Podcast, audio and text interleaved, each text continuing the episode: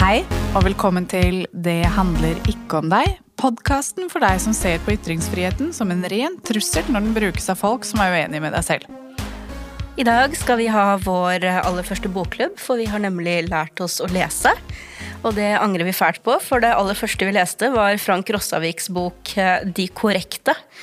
Og med oss for å bearbeide denne opplevelsen, så har vi lærer, skribent og integrert møbel i den norske høyresidens toppetasje, Mohammed Abdi.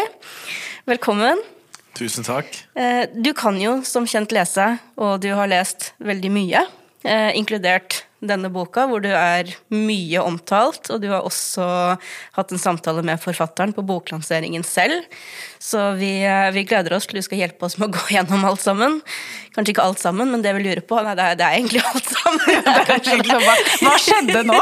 hva, hva, var det her for noe, egentlig? Hvor mye tid har vi? Nei, nei, det, nei vi skal prøve å begrense oss lite grann. Finne, finne noen um, finne noen uh, ankepunkter. Ja. Uh, skal vi presentere premisset for boka, eller vil du prøve å fortelle hva den egentlig handler om? Uh, jeg tenker dere kan presentere premisset for boka. Ok. Yeah. Malin, skal du eller skal jeg? Ja, altså vi har, eh, jeg, lese, jeg, skal bare lese baksiden først. Eh, identitetspolitikk, kansellering, scenenekt, woke, kritisk raseteori, krenkelseskultur. Begrepene har preget samfunnsdebatten de siste årene, de kan være vanskelig å forstå. Hva betyr de egentlig? Hvor kommer de fra? Hvilken utvikling varsler de? Og fra den baksiden så kan man på en måte få litt sånn inntrykk av at er, hele greia er en sånn AI sin take på identitetspolitikk. Eh, og så påstår de i denne boka gir kommentator Frank Rossavik sine svar. Hva tenker du om det? Gir han egentlig noen svar i denne boka? Jeg tenker Malin at eh, vi må bare sitere Frank der. Dette føles som å kaste gelé på veggen og tenke at det skal feste seg. Ja. Eh, det er noe sånt han skriver i boka. Ja, det er som å skulle spikre gelé til veggen. Ja. Spikre var det. Ja. Eh, riktig. Takk for at du gjengir han på en god måte. altså, han, han, gjengir ikke andre på en god måte, så da skal vi være bedre. Ja. fordi at her i poden er vi selvrettferdige og selvhevdende og alle de tingene som det står i, i boka at vi i Woke-mobben er. Altså, Utgangspunktet for boka er jo interessant. Det er den første altså, med, Ikke første gang noen skriver om de begrepene som du nevnte, som du leste nå, Malin. Mm. Men det er første gang er, eh, noen bruker 200 sider, nesten. Eller 190 sider. Mm. Så det kunne vært en veldig fin uh, innføring, eller, uh, uavhengig om man er enig eller uenig i konklusjonen.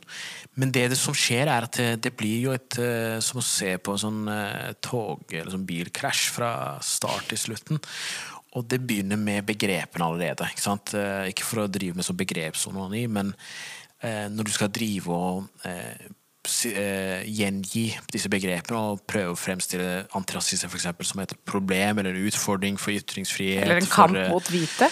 Eller kamp mot, ja, Det er ikke første du bør begynne. Dette det høres veldig sånn feil ut, for å si det sånn. Mm -hmm. um, Frank, altså Rossavik er også veldig opptatt av å vise en annen ting med denne boka, eller dette bokprosjektet, er at han, han nødvendigvis ikke er uenig i sosiale bevegelsene. Nei.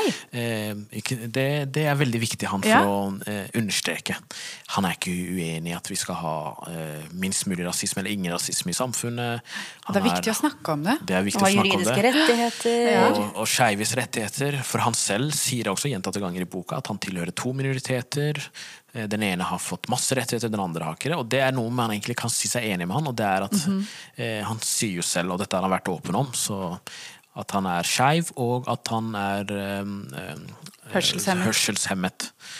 Eh, og, eh, så for han så er altså det identitetspolitikk ikke nødvendigvis noe han uh, syns er 100 eh, han er imot. Men han er imot den formen av identitetspolitikk som en del der ute driver på med. Eh, og eh, den, del, den typen identitetspolitikk jeg mener, er ikke han bare imot, men han mener den er sånn, slik jeg oppfatter det, sånn trussel mot sivilisasjon og liberale demokrati. og Ytringsretten, ikke minst. Ja, ikke sant, mot alt. Mot barna dine og mora di og bikkja di og så videre. Eh, så du må hide, hide everybody. Så, så den kommer til å ødelegge alt. Yeah. Hide your wives, hide, hide your kids og alt. Og det han gjør, er jo å begynne først med sånn inndeling av kapitler, hvor han først uh, snakker om det som skjedde i fjor, uh, 25. juni, eh, som var et terrorangrep mot skeive. Eh, det var skytingen eh, mot eh, London Bar og herr Nilsen i Oslo sentrum. Eh, Per på hjørnet var det vel, bare for siden vi skal, først skal være petimetere. Ja, Per på hjørnet, riktig. Um, og um, hvor det kosta to menneskeliv, og utallige mennesker ble skada, og enda mer utallige har blitt traumatisert. Så han bruker det som et utgangspunkt for å snakke om dette med sosiale bevegelsene. Og det er en veldig fin innledning, som jeg, som jeg syns er veldig sånn um, fin måte å starte på å vise hvorfor identitetspolitikk er viktig. Eh, Fordi vi trenger fortsatt å kjempe for rettighetene til de menneskene som er marginaliserte. Eh, Som Hanne Arn sa, hvis jeg blir angrepet, som jøde, så må jeg forsvare meg som en jøde. Men etter det så skilles våre veier, som man sier. Eh, Så, så våre veier skilles der, fordi han begynner å skrive om Black Lives Matter-bevegelsen, hvor han sier at fra starten av så var han veldig opptatt av å vise at han var veldig sånn Han ble sånn revet med. Så han skrev noen par kommentarer i Aftenposten, for han er jo kommentator der, i tillegg til å være forfatter. Og han var veldig opptatt av å vise at ja, Black Lives Matter-bevegelsen har gode saker, og han var sånn revet med. Dette var etter drapet på Floyd. Eh, Men så, så, han at, så sier han også at han eh, så ting nærmere på ting. Og da skjønte han det var ikke helt riktig. Og da? eh, dette med politivold. Ja. Men det var fordi at det var noen som fikk han til å se nær... Han skriver jo også det at det var liksom noen som ble skuffet over han, og som fikk han til å gjøre det. Så han ga på en måte, det var noen som på en måte fikk han til å skifte perspektiv. Ja, ja han, eh, han er veldig opptatt av å, eh, altså hvordan leseren skal oppfatte han. De fleste skribenter er jo det. ikke sant? Kommentator, forfatter. Hvorfor ellers skriver du? Ikke sant? Så han, han, sa, han sier at det var noen som reagerte på hans bruk av eh, Jeg vet ikke om det var statistikk, fordi jeg har lest kommentarene hans. Eh, når han viser tilbake til politivold i USA, så mente at det ikke var helt riktig. Det var ikke sånn at eh, svarte ble skutt av politiet fordi de var svarte. Og det var ikke så store skjevheter. Men det er jo mye samfunnsforskning, samfunnsvitenskapelig forskning som USA har sammenlignet med andre land, som klart og tydelig viser at eh, det er større sannsynlighet for å bli skutt av politiet eh, av, hvis du er en svart, eh, svart amerikaner, eller minoritet, da, hispanic òg. Så han, han mente han ble utsatt for en sånn sånn refleksjon, eller han ble utfordret, da, så gjorde at han måtte revurdere litt sånn, gå litt tilbake på sine teori, da, opprinnelig teori, som var å gå ut og støtte den antirasiske bevegelsen, eller Black Lives Matter-bevegelsen.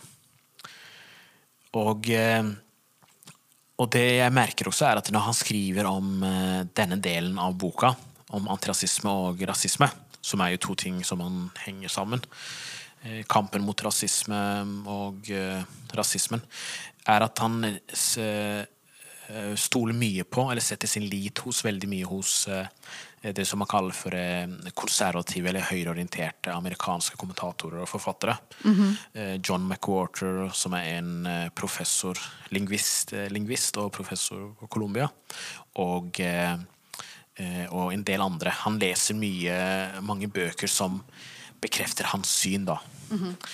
Eh, og de er jo eh, opptatt av å vise at dagens antirasist, eh, antirasister og antirasisme er helt annerledes enn den som man hadde i 60-tallet med borgerrettsbevegelsen. Eh, og han aksepterer tesene til eh, John McWhorter, men også en del andre forfattere som han bruker. Eh, så ifølge meg ukritisk. Han utfordrer ikke deres standpunkt på at Tror du han er i stand til å utfordre dem? er, altså, jeg, jeg tenker, Når du finner noen som du er enig med, det gjelder oss alle mennesker, så kan det være litt sånn eh, eh, Veldig sånn eh, Confirmation fristende. bias. Ja, ikke sant? Confirmation bias. Det er fristende å ikke utfordre seg selv, da. Og det, det syns jeg alle skal gjøre. Men det er jo sånn Mye av den tematikken som han skriver om, er jo veldig enkel å eh, Hvis du går inn for det, så kan du utfordre deg selv. For eksempel eh, de forfatterne han bruker, de mener at dagens antirasister er jo opptatt av språk, for eksempel, men det er jo ikke bare dagens antirasisme som var opptatt av det. Martin Luther King jr. var opptatt av hvilket, hvordan engelske språket kunne være rasistisk på visse områder. Transfober er sykelig opptatt av språk. Ja, ikke sant? Nå hopper jeg inn med bare en liten sånn eh, Det er jo ikke en digresjon her, for det er jo eh, relevant. Fordi han snakker jo også om Martin Luther King og skriver at eh, jeg, skal, jeg, må, jeg må finne det direkte sitatet her. Um, han skriver at borgerrettighetsbevegelsens mest kjente leder, baptistpresten Martin Luther King jr., var også hard i ordene om rasismen i USA. Men han påsto aldri at den var et grunnleggende kjennetegn ved landet, at den var skapt og ble opprettholdt for å sikre eh, hvit makt. King hevdet aldri at hvite per definisjon var rasister, og at rasismen var og måtte bli, forbli et system hvite kjempet for å opprettholde. Han hadde en tro på det gode i menneskene, på demokratiet og på at USAs institusjoner kunne knekke rasismen som problem. Viser ikke det her litt lite innsikt i uh, Martin Luther Kings faktiske fullstendige virke? Fordi dette er jo en veldig sånn ja, sanert versjon av Martin Luther King. Det er det. Det er riktig, Maren. Fordi Eh, den, men den Martin Luther King jr. som eh, Frank Rossavik åpenbart tror på, er jo den som mange forskere, eh, ikke bare amerikanske, men også eh, eh, britiske forskere også, og andre har eh, utfordra. Denne altså den der moderate bildet av en slags en annen borgerrettsforkjemper som var opptatt av at man skulle ikke gå for hardt mot rasismen og man skulle ikke være, bruke for harde ord og ikke være aktivistisk for hardt osv. Realiteten er jo at han var jo ekstremt militant på sin måte. Det var ikke sånn Ikke at, på samme måte som Malcolm X var nei, militant, men sant? fortsatt ja. Men på sin måte, og, det, og han var veldig upopulær. I sin død så var det mange menings... Uh, som jo ikke var en veldig naturlig død heller, sånn apropos hat Attentatet etter attentatet så var det tydeligvis vist som blant, bare, at, ikke bare blant hvite amerikanere, men også en del andre, at han var upopulær og hadde Eh, var ikke sånn den Martin Luther King jr. som blir hyllet i dag, av alle, på tvers av politiske standpunkter. Men det som er problematisk med denne ahistoriske tilnærmingen, som jeg liker å kalle det, som Frank Rossavik har, er jo at den prøver å fremstille sånn at eh, at han og de som er anti-walk, som han liker å kalle seg, eller man kan kalle dem, at de egentlig ikke er mot antirasismen. Fordi her så støtter jo den mm. største, en av de største fedrene av antirasismen i antirasismens historie. Men de er mot den som noen driver på med i dag. Ja. Men realiteten er at hvis de hadde levd på den tida med Martin Luther King jr., så er jeg 100 sikker på at Kanskje ikke Frank Rosavik, men eh, noen andre, og det gjorde de også i norske aviser òg, hadde fremstilt eh, Martin Luther King jr. og borgerrettsbevegelsen som en rabiate walk-folk som er opptatt av å angripe liberale demokrati og ytringsfriheten. Fordi de Rossavikene man har i dag, de fantes også i 60-tallet. 60 de var like høylytte da og skrev masse pamfletter og bøker og var på TV og diskuterte. Mm. Så det er ikke noe nytt. Motstand mot sosiale bevegelser er ikke noe ny. Ehm, og det ser du ikke bare i antirasistiske og borgerrettsbevegelser, men også i feministisk bevegelse, skeivebevegelsen. Ehm, det var egentlig Hvem var det som sa det best? Ehm, Virginia Woolf, som eh, skriver i, i, det, i boka A Room of My Own, eh, at eh, det mest interessante med kampen mot kvinneundertrykkelse er ikke selve aktivismen, men det er selve historien. Nå husker jeg ikke sitatet helt riktig, men hun sa det mest interessante med historien om eh, altså kampen for kvinnerettigheter er ikke denne rettighetskampen som man tok, hvor man vant alle disse rettighetene. Det mest interessante er motstanden de møtte. Yeah. Det er den motstanden som er mer interessant mm. å se på. Mm -hmm. For Det virker liksom at Rossavik han snakker jo om uh, de der klassiske liberale verdiene om uh, alle mennesker skal være like og alle skal ha et rettsvern og sånne ting. Og så virker det litt som han, han, nesten tenker at det vokste frem veldig sånn naturlig med tålmodighet og ja. forsiktighet. Som suffragettene ikke kastet seg foran hester og mm. bomba ting. At det, det er radikale hendelser som har tvunget frem de her rettslige fremskrittene da, som han Ja. så i stor grad setter sin lit til. Fram til nå i historien så har alle rettigheter blitt vunnet fram. At vi har hatt høflige, rolige samtaler med hverandre. Men så fikk vi internett og, da, og identitetspolitikere, og da, da ble det bare kaos og kjefting og aktivister og Men mm, for det alt, altså alt det som går igjen hele tiden i den boken, er jo Altså, han bare hater aktivisme. Han, han skriver det jo selv, jeg husker ikke akkurat At det direkte allergisk sitat, mot- Ja, jeg er nok. Jeg må vedkjenne at jeg er allergisk. men de som er liksom rabiate og monomane og Ja. Men, Men det betyr er at han da? hyperfokuserer jo bare på én type aktivisme også. Ja, han gjør det. Og det, tilbake til det du nevnte der, Maren, det med, og, men også du, Maren.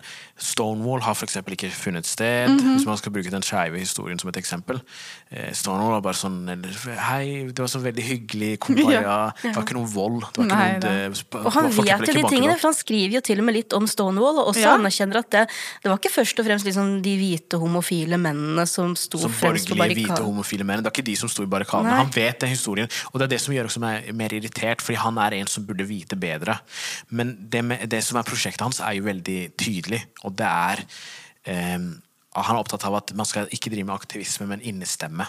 Problemet er dette, dette er det jeg kaller for den liberale eh, eh, utopien, eller eh, den, den liberales eh, eh, ønsketenkning. Og det er at det finnes liberale der ute som er enige i at eh, transpersoner bør få rettighetene sine. De bør få bedre behandlingstilbud. Antirasisme er viktig.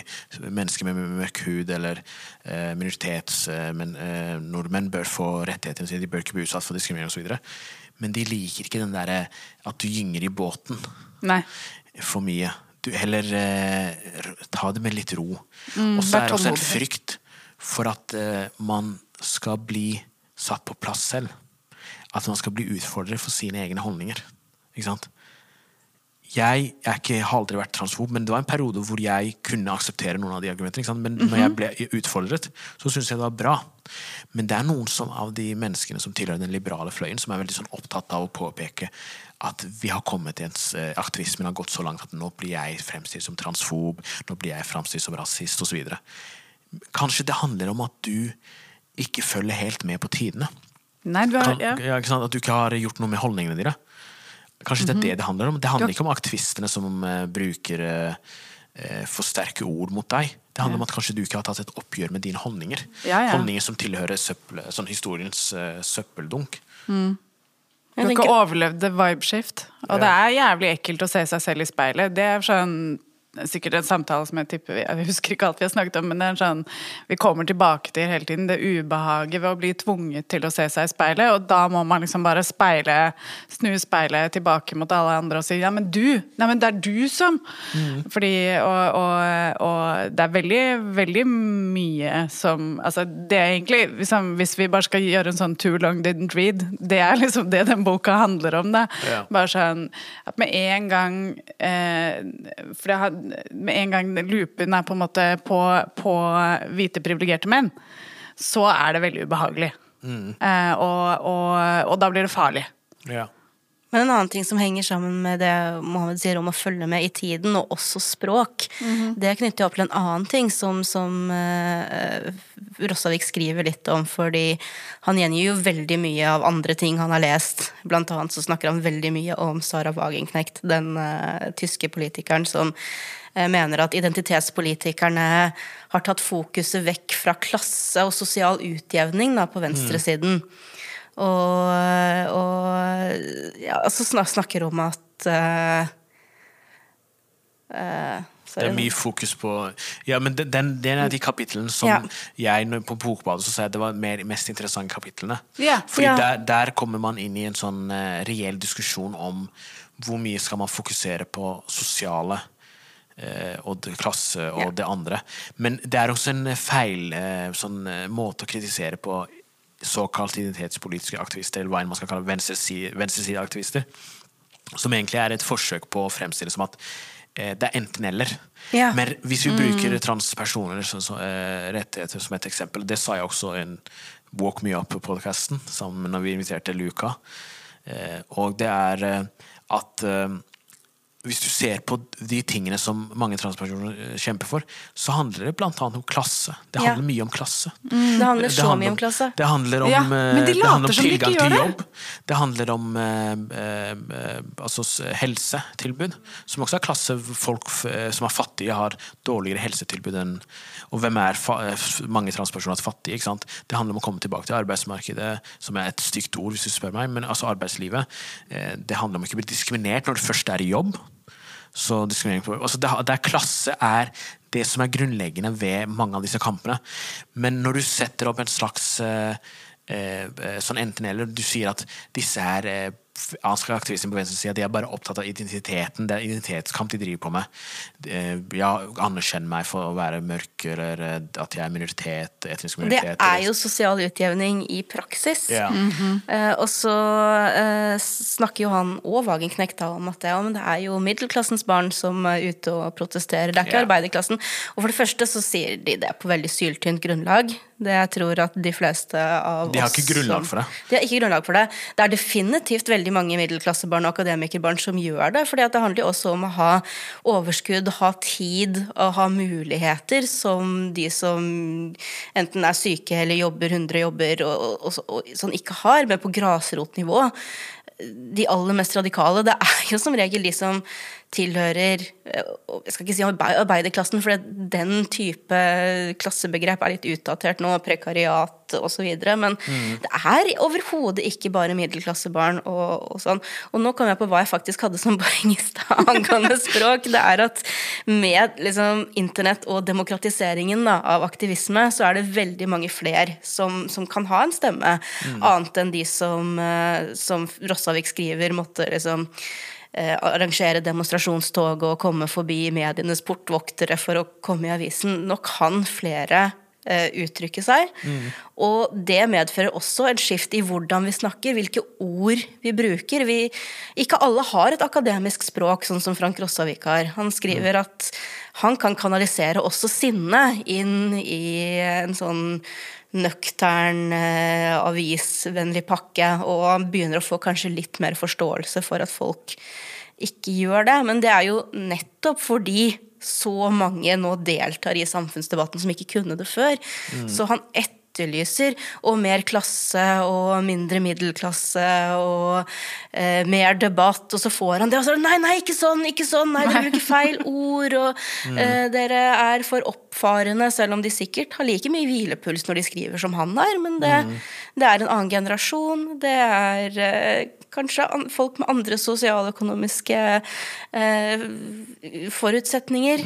Så, han, så han får jo disse tingene, men så er det bare at nei, da foregår det ikke på Rossaviks premisser lenger, og da butter det sånn imot. Og det er eh, noen ganger han er avslørende i boka, for han snakker om aktivisme i, før i tida, hvor han også kunne være med på scenenektargumentene når det kom til f.eks. skeiv kamp. Og det er jo, du ser jo tidlig på boka at uh, når han skriver om skeiv tematikk, så er han vi følger meg mer nyansert Ja, ja. enn uh, når han skriver om antirasisme, rasisme og uh, klasse. Og det er, det er sånn alltid vi Det som er nær oss, er også det som er enklere for oss å kanskje være mer nyansert om noen ganger. Men det som jeg reagerte, var egentlig ikke den kritikken av aktivisme. Fordi hvis noe vi vet alle her, er at aktivister er de sterkeste kranglefantene der ute. Eh, Hvis du samler tre antirasister i et, en, eh, et rom, så kommer de til å krangle som bare det om hvilken strategi de skal gjøre. Hvordan skal de håndtere Sian? Eller eh, hvordan skal de argumentere mot Paludan? Hva skal man gjøre i den demonstrasjonen osv. Det er samme med feminister. Bare sett en radikal feminist eller en, eh, og en eh, interseksjonell feminist i et rom. Så det er ikke det, det er ikke noe nytt at eh, aktivister kritiserer hverandre og er uenige om strategi. Problemet er at når du kaster babyen med badevannet, da har vi et problem. Og når du sier at disse sosiale bevegelsene er egentlig ikke så nødvendige, fordi alle kan komme og uttale seg Han er veldig stor tilhenger av ytringsfriheten, at man skal bruke den, og jeg er helt enig med han. Eh, ikke bare fordi han sitter som styremedlem i Fritt Ord, eh, som har gitt støtte til Walk Me Up, Og det handler ikke om deg. Og det handler om deg. Men også fordi det er riktig. Men det man misforstår, er også dette med ytringskapital. Det er ikke alle mennesker som har ikke bare klippekort i media, men også har det retoriske eh, ikke evner, men retorisk medborgerskap, som man bruker å kalle det, som gjør at du kan komme ut og skrive en kronikk og argumentere eller være på Debatten eller Dagsnytt 18. Da kan eh, aktivisme på gata eller andre former av sosiale medieaktivisme kan være en løsning for deg. Så for all del kritiser strategi, men ikke kom og si at disse bevegelsenes tid er over. For det er ikke. Vi har så vidt begynt med mange av kampene. Mm. Men det jeg vil komme tilbake til, er det med klasse. og Det er at det, det er en typisk kritikk som noen på venstresida alltid kommer mot eh, de som de hevder driver med identitetspolitikk på venstresida. Eh, og dette er en forståelse av identitetspolitikk. På, nå snakker vi primært om identitetspolitikken i venstresida, som er ahistorisk. Eh, sikkert 15. gang jeg sier det ordet, men det er veldig viktig. Og det er med, Hvis man ser tilbake på historien, både i Norge, men også utenfor, så var mange av de første bevegelsene opptatt av både identitet og rettighetskamp. Det var identitetskamp pluss rettighetskamp. Eh, kvinner er ikke minoritet, men kvinner, for kvinner så handler det om å bli anerkjent for eh, den rollen de spiller i hjemmet, men også ute. Eh, et, et eksempel er Combahee River Collective. Som sikkert eh, halvparten av våre lyttere har hørt om, fordi det er nerder. Men Combehi River-kollektivet eh, eh, var det første gang man brukte ordet identitet, identity politics. Eh, før Kimberly Crenshaw. Og de var en gruppe Når dette her må jeg må ikke ramle i ordene når jeg sier det. De var en svart, lesbisk, sosialistisk gruppe sånn hardcore. Så de var svarte kvinner som var lesbiske og sosialister. Så de, de starta denne nettverket fordi de mente at kvinnekampen tok ikke eh, tak i, på alvor deres kamper som svarte kvinner. Og de mente borgerrettskampen var veldig eh, fokus på svarte menns rettigheter. Og så mente de at eh, arbeiderklassen fokuserte for mye på hvite arbeideres rettigheter. Så de sa vi trenger vår egen plattform, men de sa ikke for å drive med partikulær identitetskamp, at eh, alle skulle drive med sin egen. Der, hvem er du, Når du har sånne samlinger på fem stykker som kommer for å demonstrere Hvem er du? Ja, vi er svarte lesbiske sosialister, og du er eh, hvite lesbiske sosialister. Og så drev man med sine egne markeringer. Den ene dagen så er det dere. Sånn. Men det er ikke det. De mente at den universelle kampen kommer av våre partikulære kamper. Vi må være allierte med hverandre, vi må forstå hverandre. Og så svarer de også veldig Man kan si dette er veldig sånn eh, eh, Litt kake å si, men de var også veldig sånn Hvis vår kamp blir vunnet, så er alle frie. Som er noe Audrey Lord også sa. Mm. Hun sa ingen er fri. Før alle, før alle er fri. Mm -hmm. Og dette prinsippet er ikke vanskelig å forstå hvis man prøver å sette seg inn i men det er vanskelig for de som skriver sånne bøker som Frank Rosavik, å forstå at identitetskamp har aldri vært den eneste kampen som Eh, aktivister på venstresida driver på med. Det har vært identitet pluss rettighetskamp.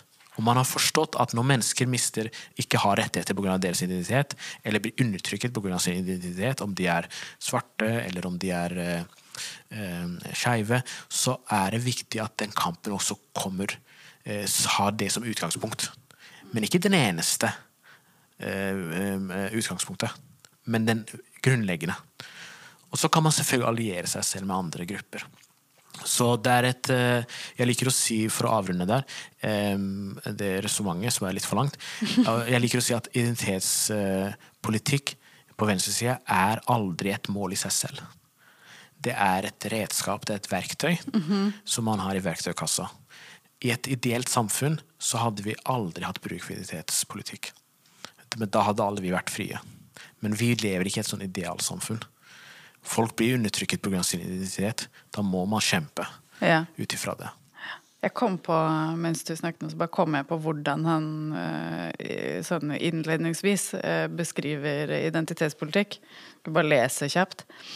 Eh, det er altså ikke identitetspolitikken i seg selv jeg mener er problematisk, men den nye. Selvsagt ber man om trøbbel ved å trekke et slikt skille. Hva er gammelt, og hva er nytt? Jeg har pleid å si at den gamle identitetspolitikken kjempet for frigjøring fra undertrykkelse, for like rettigheter, for anerkjennelse på lik linje med den andre får. Den nye kjemper for særrettigheter. Man har gått fra å kjempe for egen frihet til å kjempe mot andres. Og det syns jeg er en ganske interessant, interessant måte å fremstille det. Kanskje du kan få begynne, Maren? Jeg har snakka for mye. Nei, jeg syns du, du snakker godt, jeg. Ja. Nei, men han, øh, han øh, snakker da om særrettigheter, og en sånn særrettighet han mener at identitetspolitikere vil ha, det er når de hevder at kun folk med en annen hudfarge enn hvit kan definere og diskutere hva som er rasisme. Mm -hmm. Så skriver han at rasisme angår alle og må diskuteres av alle, og at han må kunne si nei, det der er ikke rasisme, og få lov til å argumentere for det uten at hans synspunkter avvises kun fordi han er hvit i huden. På samme måte må andre kunne si at nei, det der er ikke homofobi, og delta i en diskusjon selv om de ikke er eh, homofile. Og så er det jeg tror ikke du finner så veldig mange identitetspolitikere som sier at du ikke skal ha lov til å snakke om f.eks. rasisme hvis du er hvit, men det er noe med at du trenger ikke nødvendigvis å ha forkjørsrett i alle diskusjoner om det, når det, ja. det finnes mennesker som har helt ekstremt mye mer erfaringskompetanse enn deg selv. Mm -hmm. og, og, det virker som uh, Rossavik men det er jo det, liksom det, det der gelégreiene som du sa, du mm. gjenga veldig riktig, mm. Maren, er at han, dette er et eksempel på at han kaster ting på veggen. altså mm. kaster gelé på veggen. Fordi han, det han gjør, er egentlig Det du je, je, siterte, Malen, er jo egentlig et veldig interessant eh, resonnement å komme med. Fordi han foretar et skille med å si at før så var vi opptatt av undertrykkelse og rettighetskamp. Nå er vi opptatt av at særrettigheter. Og det han lister opp som særrettigheter, er jo veldig få eksempler. ja, hva, hva, er det han nevner jo nesten men, ingen? Men, men, han kommer med det der fordi det fins alltid sikkert en eller annen Twitter-konto eller en eller annen person som f.eks. driver med separatisme. Ja. Så det han kritiserer, er en retning blant antirasismen som har eksistert lenge, som andre antirasister også har eh, kritisert før som er veldig sånn uredelig. Intellektuelt uredelig. Det er derfor jeg har sagt, mm. brukt en betegnelse noen ganger om argumentasjonen hans. Fordi jeg er også uenig med separatister. Vet du hvem andre som var uenige separatister? Martin Luther King jr., James mm. Baldwin. Mm. Folk som jeg som antirasist er veldig påvirket av. Men de mente at separatist, separatister kommer ikke med løsninger som er viktige. Ikke viktige, men løsninger som er uh, gode nok og effektive for å løse rasisme. De bare sier at vi skal drive med vår egen ting. Men svarte, og dette sa James Baldwin når han dro til eh, Nation of Islam. Han besøkte han, og han ble veldig, han skriver nyansert om Nation of Islam. Han sier jeg ble helt sånn satt ut hvor de organiserte de var. Black Muslims kaller han dem. Eh, hvor organiserte de var. Men dette her er ikke vår fremtid som svarte amerikanere. Eh, svart nasjonalisme er ikke vår fremtid. Og det er fordi vi alle bor i dette samfunnet sammen. Så veldig banalt. Altså, Vi alle befinner oss På samme måte så er det kvinner som driver med kvinnekamp. Kommer til, vi kommer til å fortsette, Kvinner kommer til å fortsette å bo i samme samfunn som menn. Mm. Det er ikke egen sånn planet bare for kvinner. Så det er ikke realistisk. Men det er en kritikk som har vært der lenge. Så det han gjør, er det, det uredelige, er at han entrer noen sånne eksempler, og så sier han det er det som er eh, Eh, konklusjonen til alle mm. antirasisme. Det er jo ikke sant. Hvis vi, hvis, fordi hvem, Hva som er veldig viktig? Eh, bare avrunde der. For meg som en eh, svart nordmann, så er det ekstra viktig at hvite nordmenn, altså majoritetsnordmenn, for å være politisk korrekt, fordi vi skal være forsiktige med sånne hudfarger, men ikke på, det handler ikke om deg. og det er at det er veldig viktig, ekstra viktig, at ikke nødvendigvis stå i front, men at majoritetsnordmenn er med i kampen mot rasisme. Hvis ikke så kom, når vi ikke fram Nei. med å få et eh, rasismefritt samfunn. Hvis vi ikke får med majoriteten. Og hvem er majoriteten i, i Norge? Det er eh, majoritetsnordmenn, hvite nordmenn.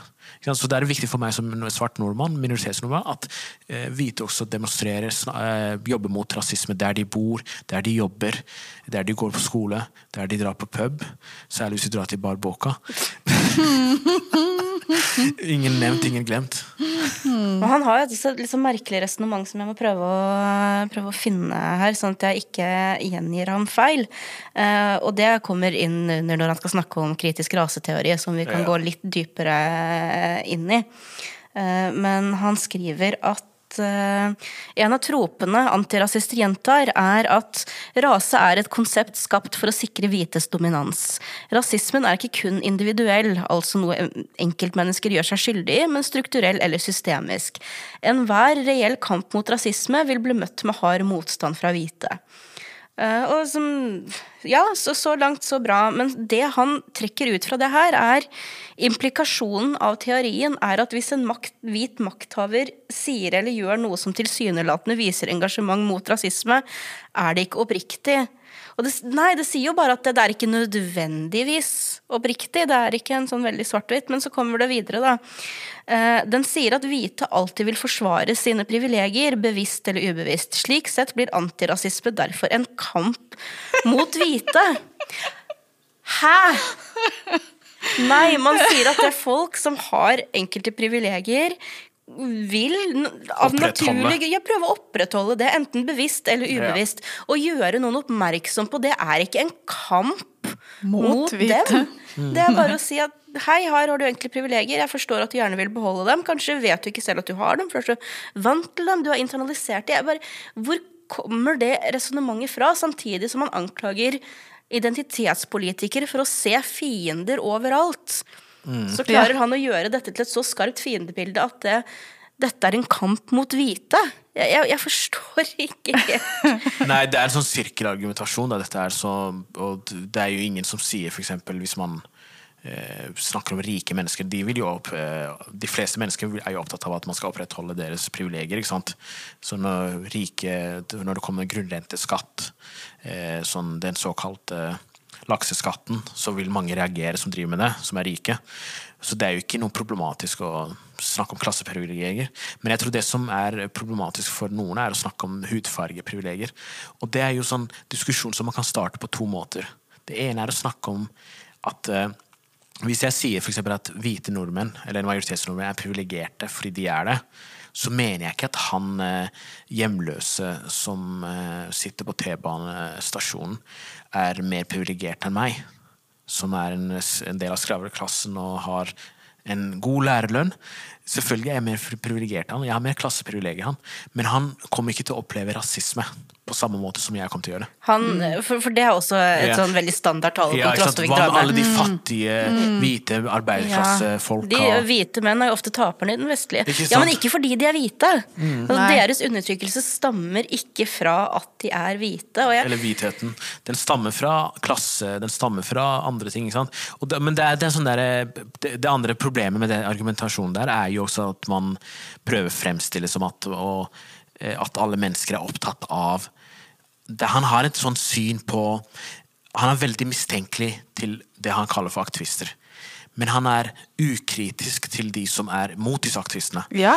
Og det synes jeg er veldig sånn eh, problematisk, at han ikke greier å være snev kritisk til de som kommer med sånne resonnementer, som de bøker han siterer, mm -hmm. eller om, som politikere som Wagenacht. Eh, for de har ikke noe agenda? for de er Nei, ikke de, har ikke, de er sånn a-ideologiske, a-politiske. Eh, de, de driver med er kritikk av aktivisme som har gone, gone mad. Men de har også ideologiske eh, eh, intensjoner. Mm -hmm. Det er litt det som får meg til å ta hele boka med en klype salt, er at når han nevner eh, Han må jo ha konkrete eksempler på ting han mener er kanselleringskultur og, og, sånne ting. Mm. Men når han nevner eh, både saker og mennesker som jeg har litt kjennskap til, enten det er JK Rowling eller Dave Chappelles Eller KIO-debatten, KIO mm -hmm. så vet jo jeg at måten han gjengir de sakene på her, er fullstendig noen ganger gale, andre ganger bare helt ekstremt mangelfulle. Ja, veldig grovt forenklet, liksom. Og da og veldig... tenker jeg også at hvordan skal jeg da kunne ta de andre tingene han skriver om, på Seriøst. alvor, når jeg mm -hmm. selv ser hvor lite han egentlig uh, gjengir korrekt om det jeg kan noe om. Da. Ja. For det er noen ganger i den boka det, altså Jeg vil bare si sånn Mens jeg har lest den, så føler jeg at jeg har lest liksom Frank Rossavik sin dagbok mellom mm. debatter. For det er så utrolig mye som er sånn Ja, og så og Når han f.eks. skriver om uh, 'Gi meg et navn', utstillingen som du kuraterte, ja. mm. så skriver han uh, uten å si hva, hva, du skriver, så skriver han at det var en tekstplakat som jeg reagerte på. Han skriver ikke hva det sto. Jeg husker ikke akkurat ordrett hva det var, men han skrev det kunne oppfattes som. og så skrev jeg en kritisk kommentar. Men han skriver verken hva du har sagt, eller hva han skrev. Ja. Det er for interne På en måte ikke interne, fordi den utstillingen var det mange som snakka om, som hadde sterke meninger om, som ikke har sett den heller. Men det var jo mange som så den også, som var kritiske. Både elska den, og så var det noen som var kritisk. Og det respekterer jeg. Men det er et godt eksempel på flere eh, Det er, sånn, det er lignende eksempler fra boka som du viser, Malen.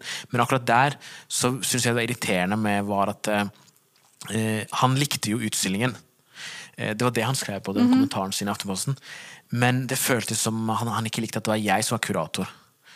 Og litt som jeg likte maten, men jeg likte ikke at du var kokken. Eh, og, og så skriver han at det ble for pedagogisk og litt sånn eh, den, tekst, den ene teksten han snakker om For jeg skrev flere tekster i utstillingen, jeg vet ikke om dere fikk mulighet til å se den. Men jeg skrev flere tekster. Den teksten var den mest personlige, som handla om hverdagsrasisme.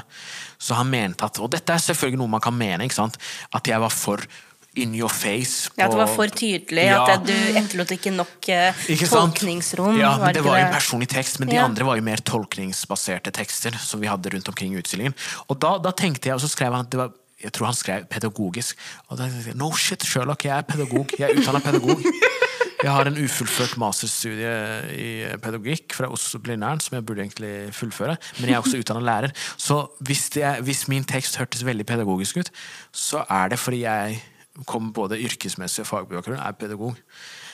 Men, eh, men sånt, sånne eksempler er det som gjør at jeg eh, noen ganger tenker også at eh, boka er på noen måter tilgjengelig. Både for de som elsker det han skriver, og de av oss som er kritiske.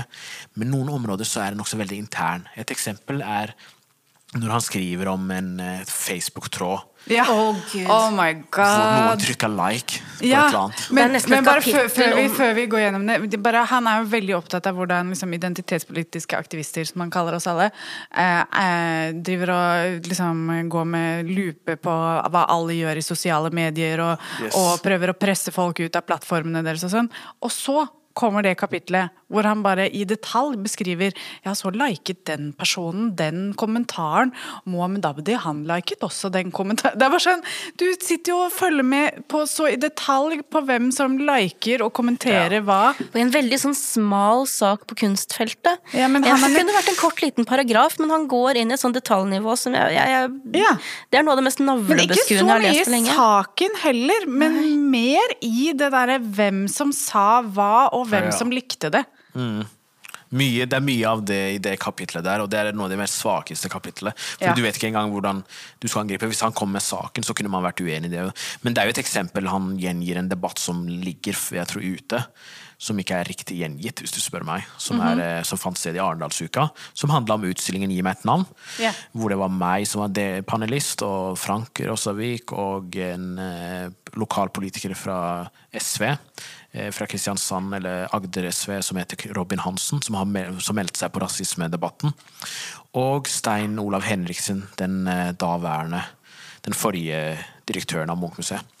Hvor han eh, gjengir at uh, de, han og Robin Hansen lurte på hvorfor en nettroll som meg eh, ble hyret inn som kurator for en utstilling på Munch-museet. Så sier direktøren at jeg hadde en viss eh, kvalifikasjoner og kompetanse, og det er derfor, og eh, sier at det er derfor vi henta inn Mohammed. Fordi vi hadde ikke den kompetansen internt i museet. Og, og så spør de kan man kan andre også gjøre det. Så sier Henriksen, altså direktøren, ja. Bare send inn et forslag. Men jeg tror Rossavik gjengir på en helt annen måte, som at han ble avfeid. Den, eh, ikke han, men Robinson Hansen ble avfeid. Han ble sagt nei, du kan ikke komme til oss med forslag. Men direktøren var åpen for forslag. Så det, det er et eksempel. ikke sant? Og den ligger ute. Og så er det det andre er Kulturrådets eh, panelsamtale, hvor eh, forfatter Jan Grue deltar, og forfatter og dramaturg eh, eh, Kamara eh, Joff Lundstad deltar, og noen andre. Eh, hvor han også gjengir på en måte som er, eh, hvis du spør meg, ikke helt riktig eh, for å si det mildt, og den også ligger ute. Så det er sånne ting som jeg tenker, da, gjør det enkelt. Du spenner beina på deg selv, fordi en årvåken leser vil gå til disse s- samtalene som ligger ute på YouTube eller andre steder, og se på de tingene. Jeg er vil bare ikke trenge det når jeg har lest en bok. Ja, At man vil helst ikke gjøre Men, det. nei, Men man må jo det. Altså, det er jo Men, men også, så er det lesere som oss som skjønner at ok, her får vi halvsannheter over en lav sko, liksom. Ja. Men det er jo veldig mange som leser Nå vet jeg ikke hvor altså det, Jeg nekter å tro at dette er en salgssuksess, men det er jo veldig mange som leser denne boken og ikke har noe forkunnskap, og bare leser det og er sånn Å ja, så det er sånn det henger sammen. Jaha, ja. Men jeg vil henge meg litt fast i Du nevnte jo det med, med Jan Grue. eh, Og så har vi også vært inne på at eh, Frank Rossavik skriver jo også selv eh, om å ha en hørselsnedsettelse. Og så anklager han også identitetspolitikere for å overhodet ikke bry seg om eh, folk med funksjonsnedsettelser eller, Ja. eller funksjonsnedsettelser. Og det, jeg, jeg- jeg tenker at det er sikkert mye mer rom i den identitets, identitetspolitiske bevegelsen for det, men det er jo beint frem feil. Det, altså, det her er en av sånn skal si, mine kjerneinteresser da, innenfor identitetspolitikk. Det er funksjon, funksjonsnedsettelse, eh, inkludering. Og hvor har jeg lært om det? Jo, i, i fora hvor man snakker om eh, identitetspolitikk. Og så skriver han eh, og, og igjen så er han litt inne på sånn gammel versus ny, eller bra versus dårlig eh, rettighetspolitikk. Og så skriver han om eh, de fleste handikap- og pasientgrupper driver ikke med identitetspolitikk. De driver tradisjonell interessepolitikk. Alt fokus ligger på formelle rettigheter og penger, f.eks. For, for å sikre statlig, statlig subsidiering av hørselsapparater, høreapparater. Og det er jo feil. Så mye av det pasientgrupper og interesseorganisasjoner driver med, er kunnskapsformidling, kompetanseheving, kursing. Så jeg, jeg bare Bo, altså, bor han på samme planet som oss? Er denne boka fra et parallelt univers? Men det, men det er et av de eh, eksemplene på hvor han eh, eller forsøker, da, så kan han sikkert være uenig, å sette to- to grupper opp mot hverandre, eller grupper opp mot hverandre. Det andre eksempelet er arbeiderklassen og det han kaller for Ja. identitetspolitikk eh, osv. Men på begge områder så er det første argumentet jeg kommer på, er jo det fins mange mennesker med funksjonsnedsettelse som også er svarte, eller som er Doble og triple er- minoriteter. Interseksjonalitet kommer inn her. Ja. Som er skeiv, som sitter i rullestol, og som eh, er eh, etnisk minoritet. Så og det samme med hvem er mange av arbeiderklassens eh, ansikter er mennesker som ser sånn ut som meg, eller som er skeiv, som- eller transperson osv. Alle de gruppene, altså at folk er flere identiteter. Det er en gjennomgående med boka her. at det, Eh, selv om han selv innrømmer det noen ganger at han er, tilhører flere grupper, så nekter han, merker jeg da, selvfølgelig kan man være uenig, at han nekter andre å tilhøre flere identiteter samtidig. Vi er alle det vi kaller for, eh, altså ikke hybrider, men vi tilhører mange grupper. Vi driver hele tida med sånn, en form av eh, eh, sånn, eh, Hva kalles det sånn der, negotiation? Forhandling. Vi forhandler hele tida. Når jeg er eh, her, så er jeg minoritetsnorsk. Eh, når jeg er blant minoritetsnordmenn, så er jeg ikke minoritetsnorsk. Da er jeg majoriteten, osv. Men, men eh, det er, men det er en sånn veldig sånn uredelig måte å diskutere på, å sette grupper opp mot hverandre. fordi jeg er helt enig med han, og dette er også noe som sikkert mange av oss eh, kan være flinkere til å sette oss inn i. En av de største minoritetene i Norge er folk som f.eks. er hørselshemmede eller synshemmede, eller som har en, en funksjonsnedsettelse. Um, og, og si at deres kamp forsvinner i bak... Uh, altså det, er, litt som når menn uh, skal kritisere feminister eh, med at ingen snakker om menns rettigheter. Men jeg tenker det er veldig viktig at vi alle driver med, med våre kamper sammen. Mm -hmm. At vi allierer hverandre istedenfor å sette grupper opp mot hverandre. Og det, det tror jeg skiller meg fra noen av de som tilhører den leiren som Rossavik tilhører. Jeg ser på allianser som en gode. Jeg prøver ikke å sette grupper opp mot hverandre. Men det er en faktum at forskjellige mennesker har forskjellige kamper. Ja. Sant? Og man må også ha det rom til å banalt, dyrke- Men, Ja, det- men og, du og var inne burde være en selvfølge. Men det er åpenbart ikke en selvfølge. Men det er ett poeng jeg har lyst til å snakke om, som er et annet eksempel, er eh, når han skriver veldig tidlig om dette med eh, eksotifisering. Han, Ja, han, det vil jeg også tilbake til. Sant? Han skriver jo om alle disse ordene mikroaggresjon. eh, eh, han skriver om eh, alle de begrepene som du lista opp tidligere, Malen. Men eksotifisering Han har åpenbart Enten så har eksotisering, mener jeg ikke eksotisering. Han, eh, eksotisering kan være forbundet med positiv affekt fra avsenderens side, men har som funksjon å posisjonere den andre som fremmed, som det heter i en nettartikkel hos Antirasistisk Senter. Så han finner seg noen stråmenn da, som han kan angripe. Ja, og her har han da fått pushback fordi han har snakket om at blandingsbarn er så pene, eller Ja. at han synes at eh, folk med en annen hudfarge ofte er mye penere enn hvite eh, vesteuropeere. Og skal ikke det være lov eller noe, da? Nei. Forklar for hvorfor han tar eh, feil. Ikke sant? Eller at man sier at uh, asiatiske menn er sånn i det skeive miljøet, eller Mm. svarte menn er ditt og ditt osv. Men problemet er at eksotisering er jo en form av eh, rasisme fordi Ikke fordi du driver med som sier noe positivt. Hvis folk går rundt og sier eh, eh, jøder har høy IQ, så betyr det ikke nødvendigvis at det er positivt. For det første så er det ikke fakta, det er ikke alle jøder som har høy IQ, hvis man skal snakke om sånne ting. På samme måte så er det ikke alle afrikanere, vestafrikanere som er sprintere. Det- Så det er, det er noe med faktagrunnlaget. Men det andre er også er det sånn en måte å Det å romantisere mennesker på grunn av deres identitet og tillegge dem egenskaper, også er en form av rasisme. Så han, så han eh, når han skriver om eksotifisering, så, så glemmer han et, eh, at det finnes Eksempel er ah, ikke at man finner asiatiske kvinner sexy og fine eller ens type. Eh, Det, det, for han kritiserer det han Ja, for han tror det bare er preferanser, sånn han skriver om Men det. det er ikke preferanser Nei. man angriper. Men Det er en fetisjering som, som ja, men at man fetisjerer og man tilskriver asiatiske kvinner visse egenskaper som underdanige, villige og enalene fordi de er asiatiske kvinner. Og dette er en sånn, noe som har kommet fram i debatten om rasisme. Så han har sikkert plukket det opp, og så har han funnet noe å være sånn veldig gretten over. Hvor det har vært for eksempel, det var for nylig så var det eller ikke nylig, da 2021, så hvor det var eh, en del unge norske asiatere som var ute og snakka både om hvordan deres foreldre eller mødre ble sett på som eh, altså se, ble kalt eh, det ene og det andre. Og så videre, som er stygge, sånne grove ord. Eh, eller ble spurt hvor mye det koster eh, videre i timen. Eh, så, sånne, det, det kom fram i den der eh, debatten om Asian eh, eh, som ble kalt for eh, det var jo Etter Black Lives Matter så var det også en, mange Stop asiat- Asian hate. Yeah. Stop Asian hate, ikke sant? Og, så det er noe med å ta mennesker på alvor når de snakker Ja. om det ubehagelige som er rasisme er, og ikke Mm. bare tenke at det er jo positivt at noen sier for eksempel at svarte menn er ditt og datten. Ja. Eh, Jeg, jeg syns ikke det er noe positivt som en svart mann at noen kommer og snakker om uh, ting uh, på det ene eller det andre måte. Og så er det den historiske, konte historiske konteksten da, hvor eh, eh, både svarte menn og kvinner har blitt fetisjert på, på hver sin måte. Ikke sant? Menn som og disse virile hingstene. Og så, Ja. Vi har jo snakka tidligere om eh, Jeg tror det kan ha vært i den Kardashian-episoden vår, hvor vi snakket om eh, Sarah Bartman, som ble kalt da The Hottentot Venus, som ble solgt Ja. inn i seksuelt slaveri.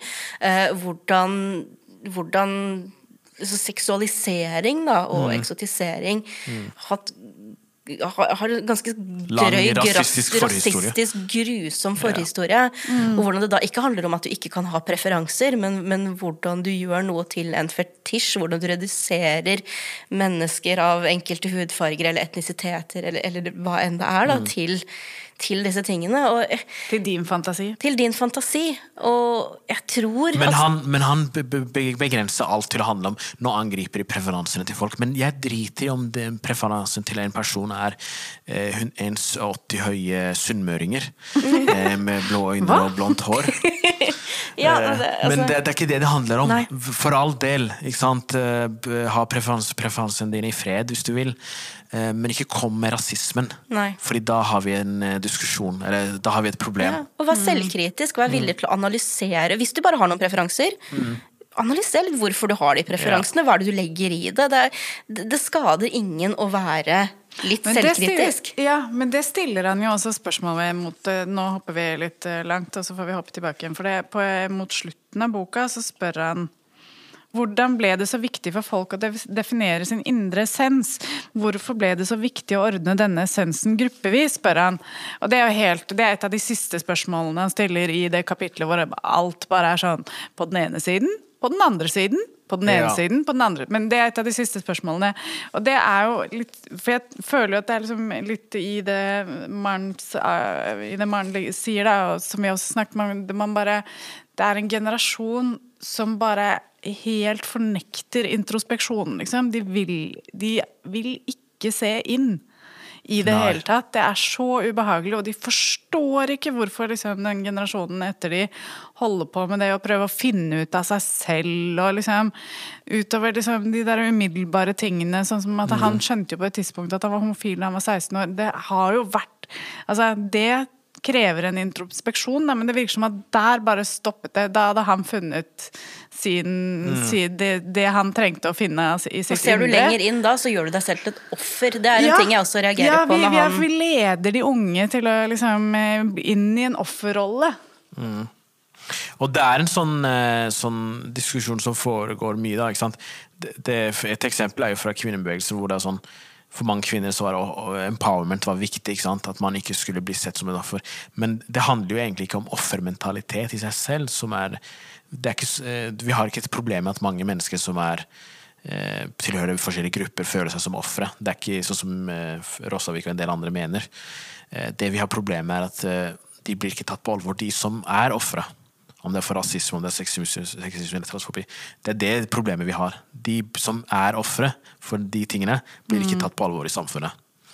Og hvis de blir tatt på alvor, så er det eh, forbigående. Så fortsetter de samme dritten som de har opplevd. Men det er den derre også denne typiske sånn generasjonsgreia. Fordi alder spiller også en rolle her, og det er ikke for å drive med sånn alders... Uh, Ageism. ageism, uh, som noen vil si. Men det er fordi Frank Rosavik tilhører også en annen generasjon. Dette skriver han selv om, så det er ikke sånne ting jeg finner på. Uh, som eh, Han drev også med aktivisme, men han har ikke en sånn like kritisk tilnærming til den aktivismen som han eller noen andre han kjenner, eller den generasjonen han kommer fra, dreiv på med. For eksempel fargeblindhet, som han er ganske Ja. opptatt av. Ja. Ikke sant? Som han fremstiller som en sånn veldig sånn viktig antirasistisk virkemiddel. Problemet med fargeblindhet er jo ikke at det, altså det er jo veldig fint at folk ikke ser farge. Altså selvfølgelig så er det sånn fantastisk at man ikke behandler mennesker eh, pga. deres eh, hudfarge, men som Martin Luther King jr. sa, 'character', som er et av de sitatene de tar mest ut av kontekst. Eh, Men det er jo et faktum at mange mennesker, uavhengig av hvor mye fargeblinde vi prøver å være, blir utsatt for rasisme. Så hvordan skal vi håndtere de tingene? Og det er noen fallgruver. Jeg kan være enig i han og en del andre. Både vi som er antirasister, men også andre typer aktivister. Vi må være forsiktige med at vi ikke går i en uh, eh, altså vi går et stadie hvor vi, de tingene vi Når vi skal bekjempe antirasismen Nei, altså ikke antirasismen. men det er noen som gjør det. Da, ikke sant? Facebook Høyre Ja, vi, går i, vi går i sirkel, når vi vi, også. skal, når vi skal bekjempe rasismen, at vi ikke eh, aksepterer den rasistiske logikken. Så en av de eh, tenkerne som jeg har blitt mest påvirket over, Paul Gilroy, som jeg intervjua for Morgenbladet for en del år siden, som er et interessant eh, intervju som jeg anbefaler lytteren å lese. Eh, det er ikke bak betalingsmur, sist gang jeg sjekka. Han sier det veldig sånn Han har sagt det sånn 30 år, en kultursosiolog som fikk Holbergprisen og greier. Eh, at eh, når du skal bekjempe rasisme eller diskutere dette med against race og racism, kalles boka, så må du ikke indirekte eller direkte adoptere den rasistiske logikken. Et eksempel er separatisme, som er at du sier eksempel at alle dere hvite kan ikke komme her inn og snakke med oss om rasismen. Det betyr ikke at man ikke kan ha safe space. Jeg forstår at forskjellige grupper trenger safe space. Noen ganger så trenger eksempel skeive mennesker et sted hvor vi heteronormative idioter ikke kommer og tar for mye plass. Noen ganger så trenger kvinner egen Sånn at ikke sånne gubber som meg skal komme og Ja, fortelle men det er sånn man utvikler ideer på et sånt men, detaljnivå. men det må ikke bare være den eneste plattformen. Man må også møtes et sted. Eh, På tvers av identiteter. Og det, det er veldig viktig. Og så er det det andre er at eh, vi må også være forsiktige at vi ikke går i en felle. og eh, Et eksempel som er en veldig sånn vanlig diskusjon, har vært eh, dette med Kan hvite oppleve rasisme? Sant? Dette er noen diskusjoner jeg har hatt med andre antirasister. Og et tydelig eksempel på at hvite som har opplevd rasisme, er jo polakkere. Østeuropeiske de opplever både klassisisme, altså klassehat. De blir utsatt for mye dritt fordi de er eh, arbeiderklassefolk. Men også fordi de er, eh, kommer fra der de kom fra. Og hun 'Jeg er ikke din polakk', som er en bok eh, som er skrevet av Eva eh, Nå husker jeg ikke etternavnet, det er jeg burde huske det fordi jeg er lærer. Men hun har skrevet en bok som tittelen gjenspeiler på, eller spiller på James Baldwins 'I am not your negro'. Sant? Det er veldig tydelig, og det tror jeg også nevner i boka. Og antisemittisme. Mange jøder er jo det man kaller hudfargemessig hvite. Samer. Det samme. Så vi må, vi må også løfte opp de eh, typer former av rasisme. Og ikke bare fokusere på den som rammer kanskje en spesifikk gruppe med brun hudfarge eller svart. Men samtidig så er jeg ikke helt med på denne her eh, eh, den derre eh, forsøket på den ahistoriske tilnærmingen hvor man skal ha til antirasismen, hvor man sier at de som drev med antirasisme før, var helt sånn derre opptatt av fargeblindhet. De var ikke det. Hvis det var noen som snakka om hudfarge mye, og snakka om hvordan hudfarge eh, Hvithet er eh, ikke en sånn eh, ikke, ikke angrep hvite pga. hudfargen deres, men hvithet-konseptet eh, som en sosial eh, identitet. Det var folk som Martin Luther King, eh, Nelson Mandela, eh, mange av de eh, eh, Rosa Parks osv. Og, så og de, det de gjorde, var fordi du må forholde deg til virkeligheten slik den er. Eh, Og det er at folk blir utsatt for diskriminering pga. den de er. Og da må du bruke det som utgangspunkt for å bekjempe den diskrimineringen. Ja, for fargeblindhet det forutsetter at du fornekter en del virkeligheter som du må forholde deg til hvis du skal Ja. kunne For du kan være fargeblind så mye du vil. Du kan være en arbeidsgiver som sitter der 'Jeg ser ikke farge', jeg. Sånn her. Eh, Men det er fortsatt stor sannsynlighet for at sånne som meg, som har de navnene vi har, det er mindre sannsynlig for at jeg blir innkalt til eh, intervju. Og så kan du sitte der ja, fargeblind', men det er fortsatt stor sannsynlig for at jeg eh, ikke får leie bolig. Eller eh, du kan være politimann eller politiker. jeg er fargeblind, men det er fortsatt stor sannsynlighet for at jeg kan bli utsatt for etisk profilering når jeg går ut av dette studioet her. Og sånn kan vi fortsette. Så din fargeblindhet, eller den derre den der fine, utopiske eh, Den utopien du tror på, den kommer ikke til å hjelpe meg eller andre. Nei, og det er et privilegert standpunkt i utgangspunktet. Og, og, og det kommer fra folk som, som Rossevik, som hele tiden snakker om at må vi mase så mye om rase? Ja, han bruker jo også ordet mase. Ja. Det er ikke noe du tilskriver ham. Nei, nei, nei, det er et direkte sitat. Dette er da avskrekkende, mener han. for- Hjelper det å mase om rase, tror jeg det var han sa. Ja, fordi han mener at eh, Og der, er sånn, eh, han, er- der tror jeg han er genuint opptatt av at eh, rasetenkningen ikke skal komme inn i Norge. Men vi snakker ikke om at rasetenkningen skal gjøre tilbake hva skal være sånn tilbakekomst i norsk offentlighet og så videre. Eh, Sånn som i 2030-tallet, hvor de drev med disse her Til og med folk i Arbeiderpartiet drev med sosialdemokrater, som var opptatt av sånn rasehygiene og sånn dritt. Vi snakker om det som skjer i dag. Og det er en virkelighet som vi må forholde oss til. Og det er at en betydelig, eller Vi vet ikke hvor mange mennesker, det er ikke, så, det, er ikke det viktigste, men mange av våre medborgere, hvis vi skal bruke sånne svulstige ord, blir utsatt for rasisme og etnisk diskriminering. Hva skal vi gjøre med det? Da trenger man både aktivisme, man trenger lovverk mot det. Eh, man trenger eh, politikere som går mot det, kommentatorer. Man trenger et samfunn, og sivilsamfunn særlig, som er eh, sterkt i kamp mot sånt. Da hjelper ikke det å sitte og snakke om at man trenger ikke mase om det. Og det er veldig irriterende, fordi når du leser Jeg vet ikke om det hvordan vi skal komme til landing snart, men jeg tenker når man leser boka, så føles det også noen ganger at man sitter og har en samtale med en person som egentlig skjønner hvor du vil, Ja. hvor du kommer fra, Ja. men er litt vrang. Ja. Man sitter Veldig, sånn- sant? Uavhengig av hvilket tema han tar opp. Det, det er en sånn samtalepartner du har som du føler du, du skjønner hva jeg mener, men som er egentlig sånn skikkelig vrang.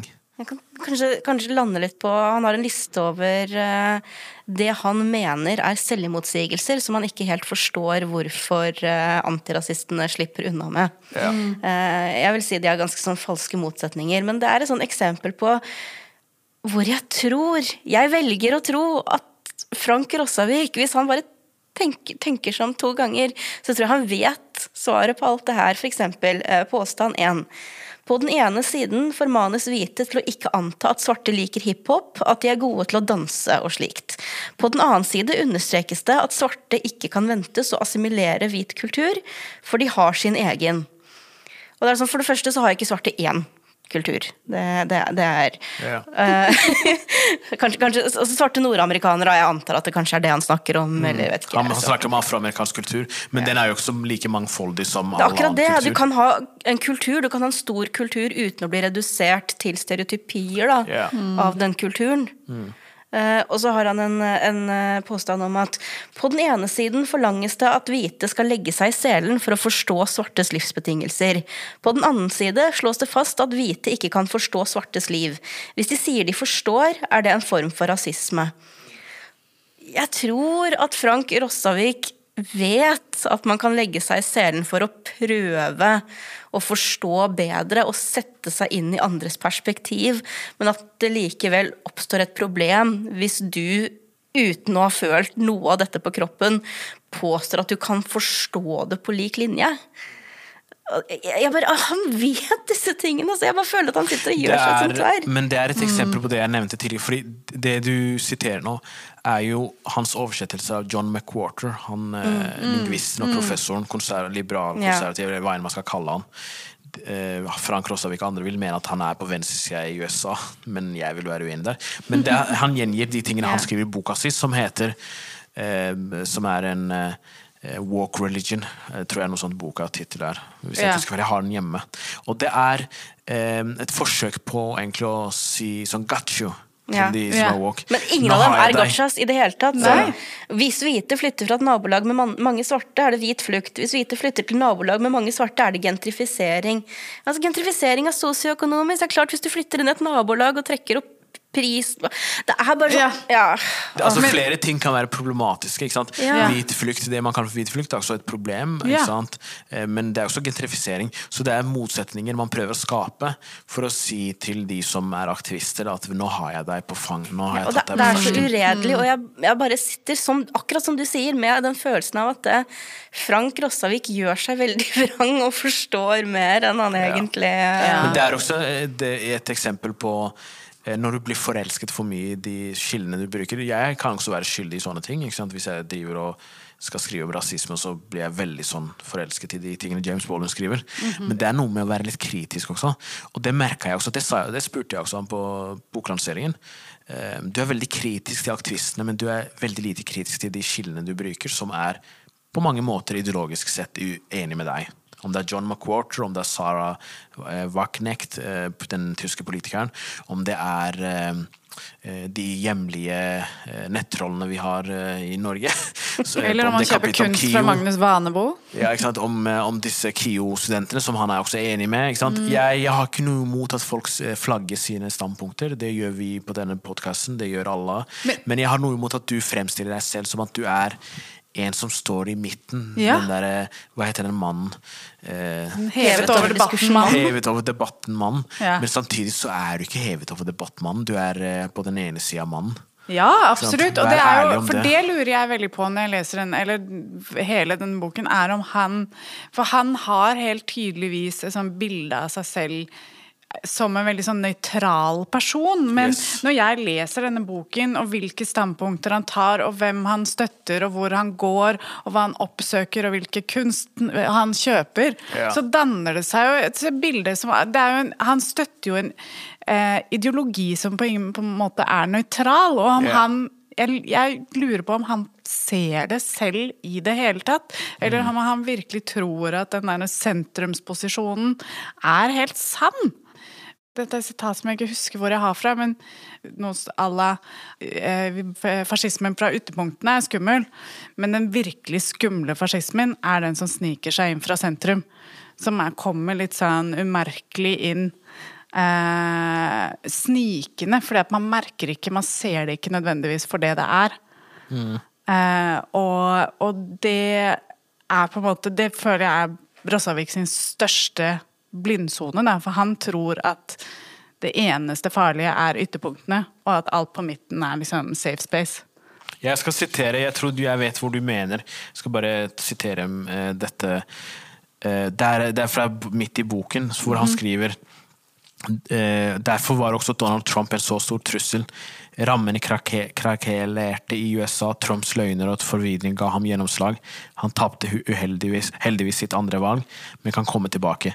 Det liberale demokratiet i USA var truet og forblir utsatt. I Europa er et land som Ungarn overtatt av en leder som ligner Trump i substans, om enn ikke i form.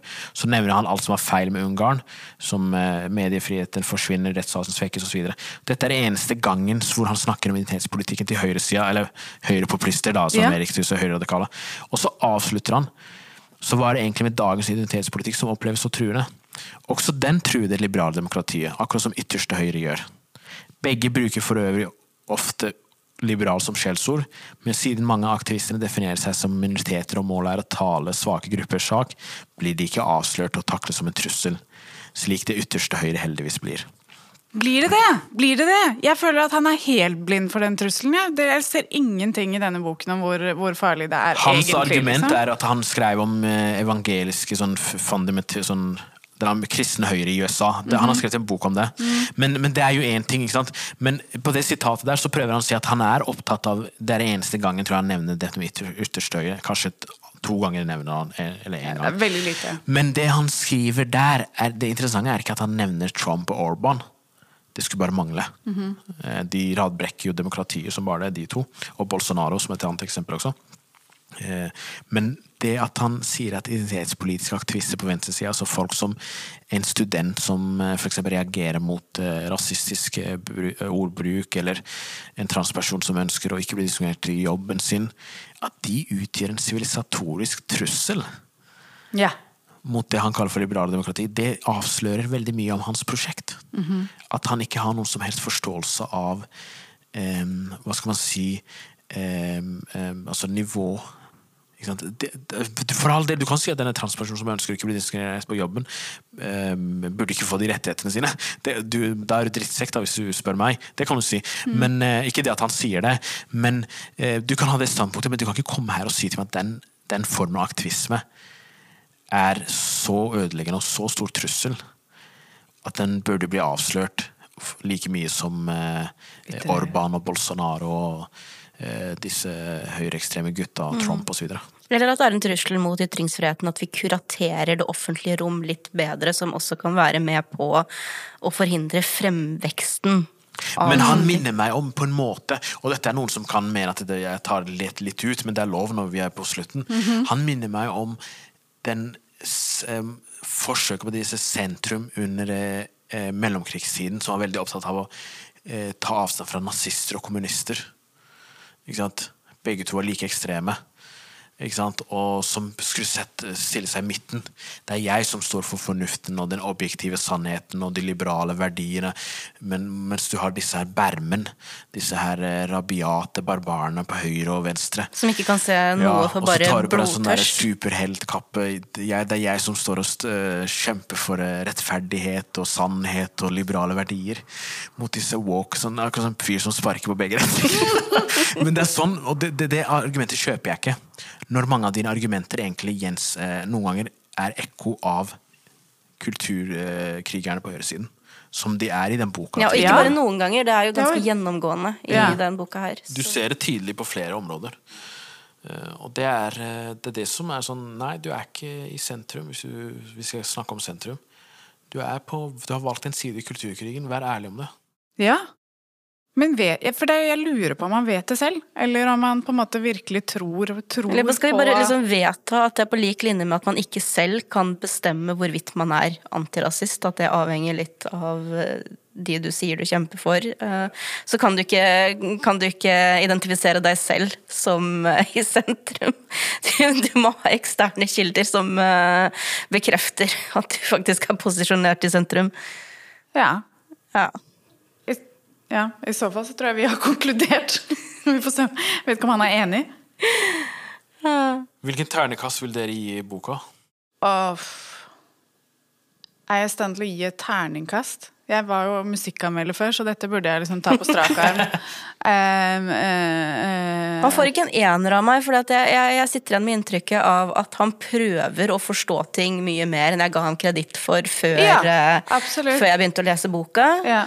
Eh, Men om jeg orker å gi det særlig mer enn en toer, det, det vet jeg ikke. Og ikke bare fordi at jeg er uenig i nødvendigvis i sta- standpunktene hans. Men det er slett håndverk. ja, det, ja det, den er veldig slurvete. Ja. Eh, Jeg føler ikke at jeg sitter igjen med, med noen svar. Altså, det kan godt være svar jeg er uenig i, at det er konklusjoner som jeg er uenig med, med Frank Rossavik i, men jeg, jeg føler ikke at han egentlig har um, satt han en eneste egentlig- hale på en eneste gris. Nei, nei, at han har bevist at noe At, den, at det, han, det han frykter, faktisk er- stemmer.